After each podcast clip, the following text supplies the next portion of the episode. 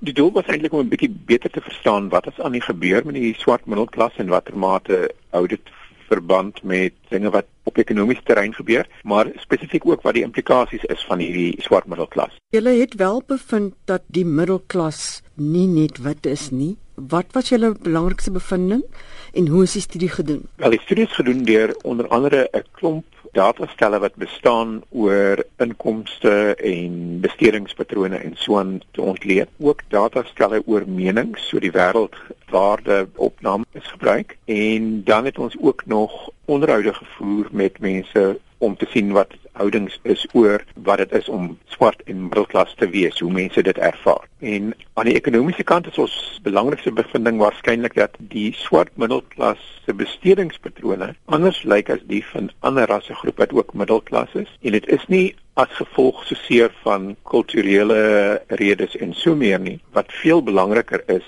is dat swart mense wat in die middelklas is, eintlik nog nie tyd gehad het om bates op te bou nie. So baie van hulle het nog nie motors of goeie eiendomme of selfs duursame verbruiksgoedere soos wasmasjiene en skottelgoedwassers en sulke soort goed nie. So 'n groot deel van hulle besteding gaan daaraan om hierdie ander uh, duursame verbruiksgoedere en ander bates te koop en dit beteken daar's eintlik minder ruimte vir hulle om geld te spandeer aan binnelandse of buitelandse vakansies en reise en aan versekerings en so aan. So ons vind dat die patroon is hulle gebruik minder van sekere produkte. Dis nie omdat daar nie 'n smaak vir hierdie produkte is soos baie mense dink nie. Dis eerder dat hulle nog nie in 'n posisie is om dit te doen nie want hulle moet eintlik eers hulle bates opbou. So ons vind byvoorbeeld dat heelwat minder van hulle het al gevlieg en dit is te verwagte gegee die agtergrond waar hulle kom. Hulle is nuwe middelklas en die nuwe middelklas tree op 'n effens ander manier op as die gevestigde middelklas. Professor, hoeveel van hierdie mense se besteedbare inkomste gaan aan die uitgebreide familie? Die meeste gevalle in die middelklas is nie so baie. Onthou die middelklas is meestal stedelik en die meeste gemeenskappe is daar nog bande wat met landelike gebiede en met ander familielede en so aan. Dit is waarskynlik sterker as